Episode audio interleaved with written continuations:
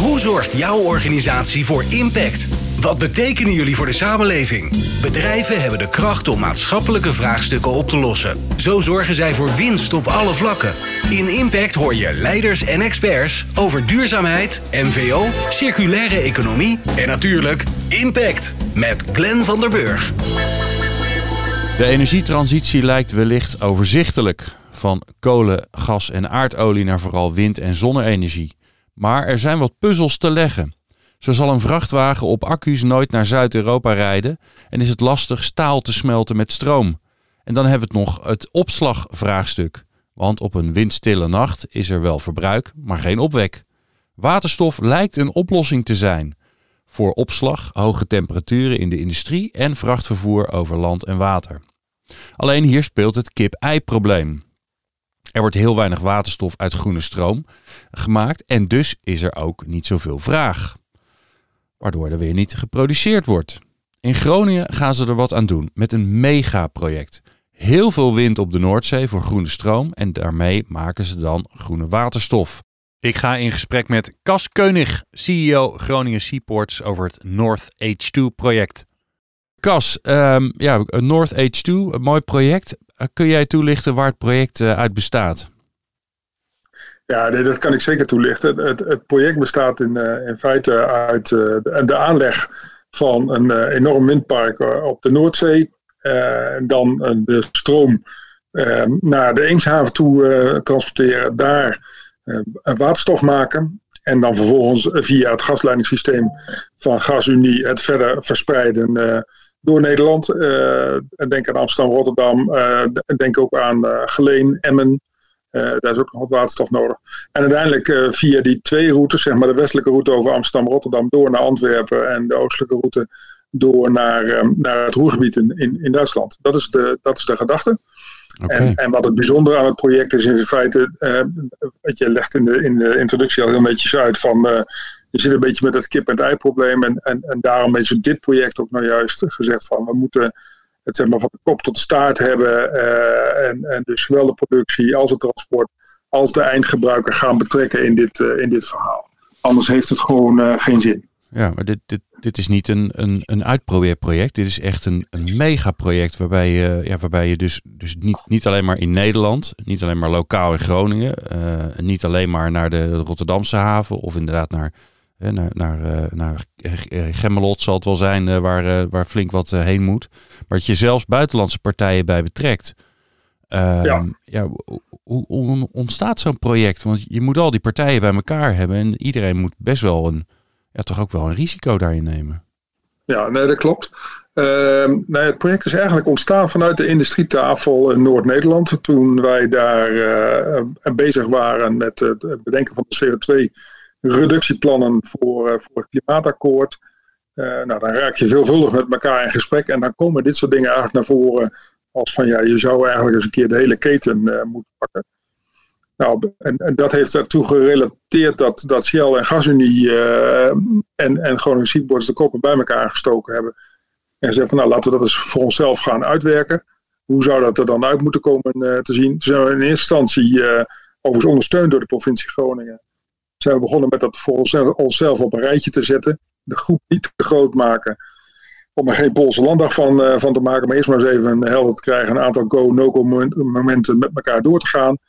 Nou, dat is uh, allemaal positief uitgepakt tot nu toe. En toen hebben we ook gezegd van ja, nou moeten we het ook echt wat groter aanpakken. En dan moeten we het ook internationaal gaan maken. Ook, ook, ook moet ik heel erg zeggen, om, om Brussel erbij te betrekken. Want ja, uiteindelijk zullen we dat toch nodig hebben. Uh, in, in die beginfase. Dus uh, uh, RWE en Equinor als prachtige partners erbij. Ja, ja daarmee ook Duitsland, Duitsland en, en, Noorwegen erbij betrokken. Um, om, om ons even een beeld te geven, hè, want dat, dat windmolenpark, dat is er nog niet. Nee. Die kabel, die enorme kabel, want er komt nogal wat stroom vanaf naar Groningen. Ligt die er dan wel of moet die ook nog gelegd worden? Nee, die moet, die moet ook nog gelegd worden. Hè? Dus dat, dat zijn echt wel forse uitdagingen. Ja. Um, en, en ja, maar dat is natuurlijk ook inherent aan dit kip- en het ei-verhaal. Van ja, wanneer ga je zo'n kabel aanleggen als je weet dat je er gebruikers voor hebt? Wanneer ga je zo'n windmolenpark aanleggen? Ja, als je weet dat je er gebruikers voor hebt. En Nou ja, dus, dus eh, alles moet precies in elkaar passen. En dat is denk ik ook wel de grote uitdaging van dit project. de, het is mooi om te bedenken dat je alles tegelijkertijd wil doen en dat je die hele keten wil doen. Maar dat betekent ook dat heel veel, heel veel, in heel veel boards de beslissing positief genomen, genomen moet worden om hier aan mee te werken. Nou, dat is best, dat is best een uitdaging, kan ik je vertellen. Zeker omdat die boards natuurlijk eigenlijk allemaal niet in Nederland zitten. Hè. Laten we wel wezen, GasUnie natuurlijk dan, en, en, dan wel en wij zelf ook. Maar bij Shell worden dit soort, dit zijn natuurlijk mega keuzes, die worden ook niet alleen maar in Nederland genomen.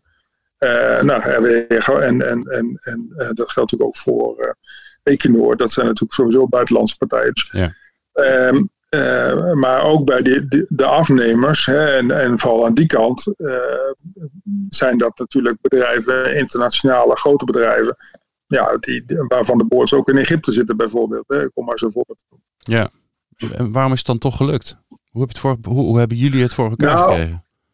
Kijk, om, om dit voor elkaar te krijgen, uh, uh, hebben we natuurlijk gewoon een aantal business cases doorgerekend. En een aantal keer op die manier een go gekregen van ja, het is toch wel interessant. Het, het, een deel van de industrie moet gewoon ook, hè, die moeten vergroenen.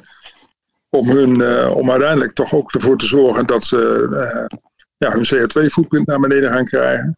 Als je dan niet, niet nu begint, dan ga je het sowieso niet redden.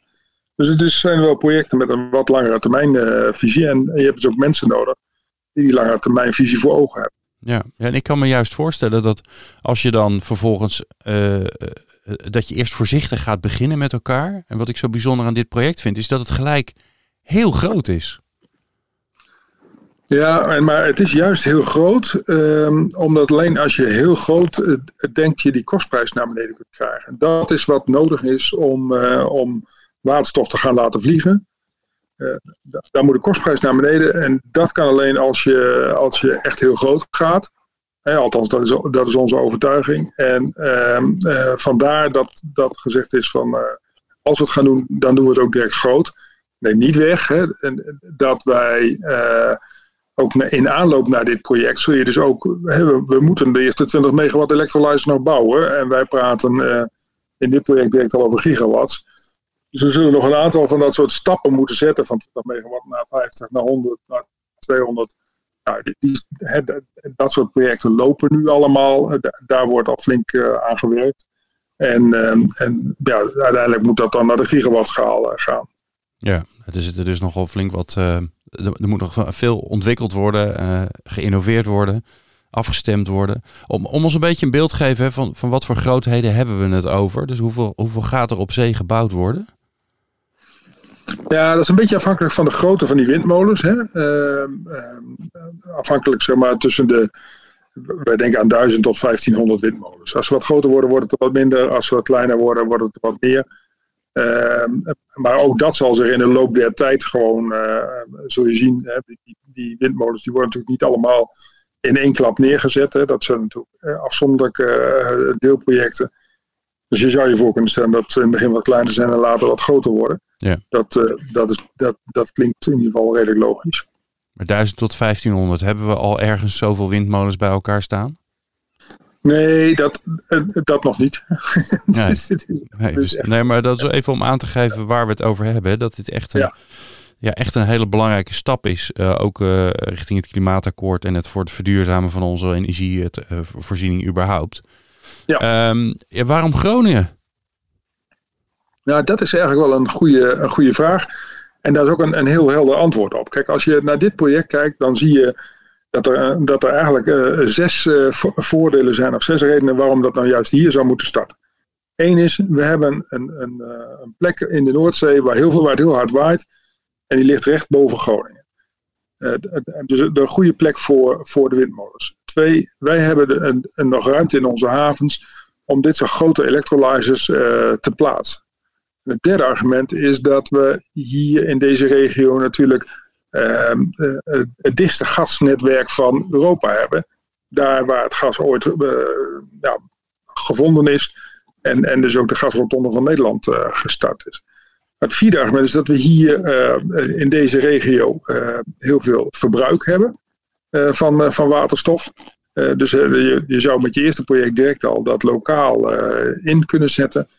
Een vijfde argument, en dat is echt wel heel uniek, is dat de, de zoutcavernes hier bij Zuidwending, dat is, dat is 30 kilometer bij Delfzijl vandaan, ehm, daar kun je waterstof in opslaan. En echt in grote hoeveelheden, daar praten we niet over dagopslag, maar daar kun je ook een seizoen eh, mee, eh, mee reguleren, bij wijze van spreken.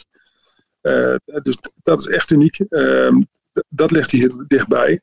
Ja, het zesde argument is dat, dat we, hebben natuurlijk, we hebben heel veel in deze regio met gas gewerkt. We hebben hier heel veel know-how zitten, zowel bij de opleidingsinstituten als, als bij het bestaande bedrijfsleven, die altijd met, met gas gewerkt heeft. En waterstof is natuurlijk anders dan, dan, dan methaan, hè, dan aardgas.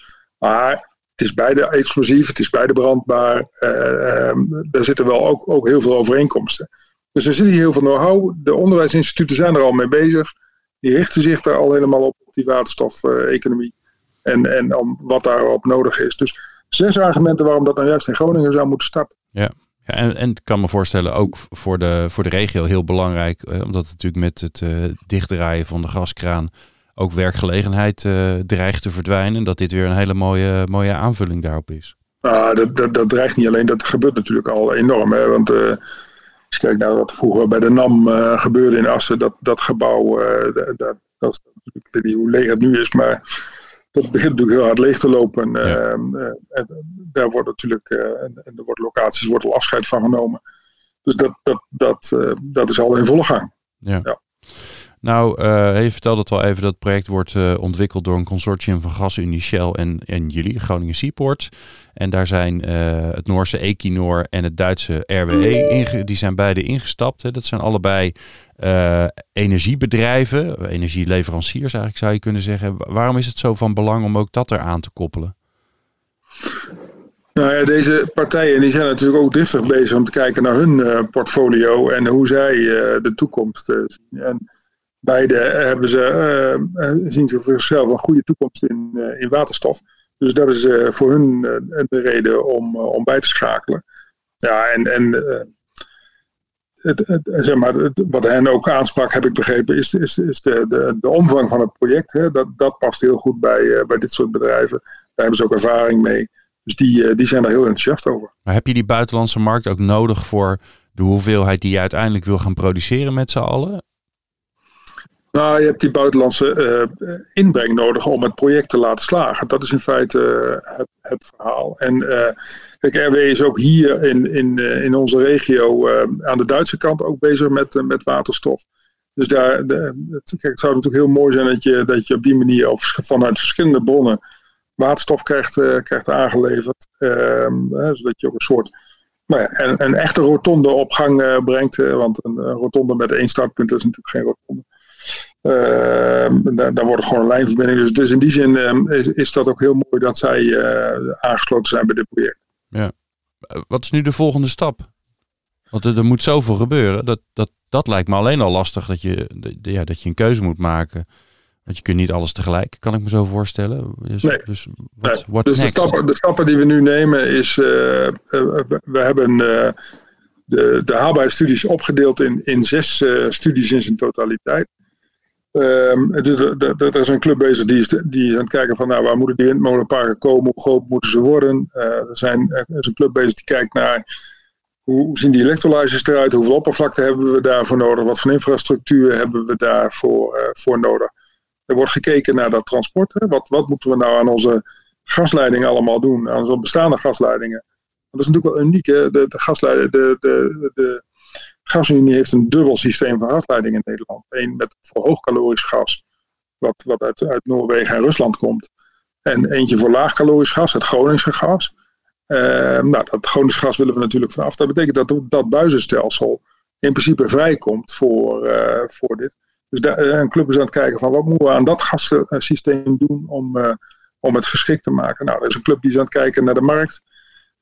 Waar zit die markt? Hoe groot is die markt? Wat is die markt bereid te betalen? Nou, zo hebben we een aantal deel uh, haalbaarheidsstudies die uiteindelijk weer bij elkaar komen uh, en, uh, en tot een go-no-go moeten leiden. Is er nog ergens een kink? Nou ja, de, de, de, de, de kink de, nog niet. Hè? Dus we hebben tot nu toe elke keer nog gezegd, we, we gaan door. Maar er zitten wel enorme uitdagingen. Als je kijkt naar nou ja, het aanwijzen van waar mogen die windmolenparken komen. Dan moet natuurlijk ook gewoon door de overheid nu wel gas gegeven gaan worden op, op het aanwijzen van, uh, van, van, van die gebieden. Want als we geen gebieden hebben waar we die windmolens kunnen plaatsen, ja, daar begint, het, daar begint het verhaal mee. En we hadden Mark Rutte hier op bezoek en, en toen zeiden we, ja, dat is heel ingewikkeld. Zeiden nou, nou, uh, weet je wat heel ingewikkeld is? Die windmolens maken en die kabels leggen. En, uh, ik zei, dat is allemaal heel ingewikkeld. Dat is heel ingewikkeld. Maar, maar het aanleggen en aanwijzen van een stukje, natuurlijk, er zijn hier naar gebruikers, daar doelde hij natuurlijk ook op. Er zijn meerdere gebruikers van de, van de zee. Uh, denk aan de vissers, uh, denk aan de scheepvaart. Daar, moet goed met elkaar afgestemd worden. Maar uiteindelijk is dat toch een papieren exercitie. Uh, met, met, wellicht wat compensatie her en der. Maar ehm, technisch is dat niet zo'n hele grote uitdaging. Ja. ja. Mooi. Nou ja, de, de, het klinkt als een, uh, als, als, een project wat we heel hard nodig hebben in die energietransitie. Want juist, juist dit stuk, hè, dat, dat waterstofstuk, dat, ja, daar zit heel veel potentie in. Maar daar, daar loop je toch tegen, ja, tegen, tegen enorme investeringsuitdagingen aan. En ja, om die partijen bij elkaar te krijgen, nou, dat is jullie uh, voorlopig, voorlopig gelukt. Dat ziet er goed uit. Dus, ja, um, maar wij willen zeggen dat uh, de bedragen die er over de... Over tafel gaan, dat, het, klinkt altijd zo alsof zeg maar, wij uh, dat soort bedragen allemaal gesocialiseerd moeten worden en dus door de samenleving moeten worden opgebouwd. Dat is natuurlijk niet zo. Het, het, het vergt om enorme investeringen die door uh, het particuliere bedrijfsleven genomen gaan worden. Alleen er moet wat bij in, in aanvang om, uh, om, om ons over die drempel heen te, te helpen. Hè? Om te zorgen dat het ook het eerste stukje enigszins uit kan. Je moet je toch voorstellen als je als, ik, ik, ben zelf jaren plantmanager geweest. Uh, als jij je, je boord in het buitenland wil overtuigen. Ik was overigens ook van een buitenlands bedrijf. Uh, in, in, Nederland plantmanager van een buitenlands bedrijf. Maar als je je boord wil overtuigen dat er iets een goed idee is. Dan, dan moet er uiteindelijk onder de streep ook gewoon geld verdiend worden. En niet geld bij moeten. Anders ga je dat gewoon simpelweg niet redden. Nou, dat is natuurlijk ook wel waar waar, waar dit soort gebruikers, in ieder geval waterstof tegenaan lopen, komt er straks een prijs uit waarmee ik mijn boord kan overtuigen en dat de investeringen die ik moet doen om überhaupt dat waterstof te kunnen ontvangen, ja, gaan we, dat, gaan we dat doen of gaan we dat niet doen? Dus we moeten zorgen dat we met overheidssubsidie uh, net mensen even over de drempeltje heen helpen, waardoor een project wel interessant wordt. Ja. Dus dat hoeft helemaal niet zo veel te zijn. Um, ja, het is een beetje, dat is natuurlijk allemaal relatief, maar, maar uh, het gaat over die onrendabele top. Dat eerste stuk, uh, ga daar maar vanuit, dat gaan die bedrijven allemaal zelf uh, financieren, zodra de business case helder is. Maar net dat beetje wat nodig is om het ook aantrekkelijk te maken, dat al die boards in het buitenland zeggen, ja, dat gaan we doen. Nou, daar, moeten we, daar zullen we toch wat overheidsgeld bij nodig ja. hebben. Ja, en heb je dat al binnen? Nee, nee, nee, nee, nee. Zover, is, zover is het nog niet. Hè. Aan de andere kant, en, en we moeten ook wel gas gaan geven nu.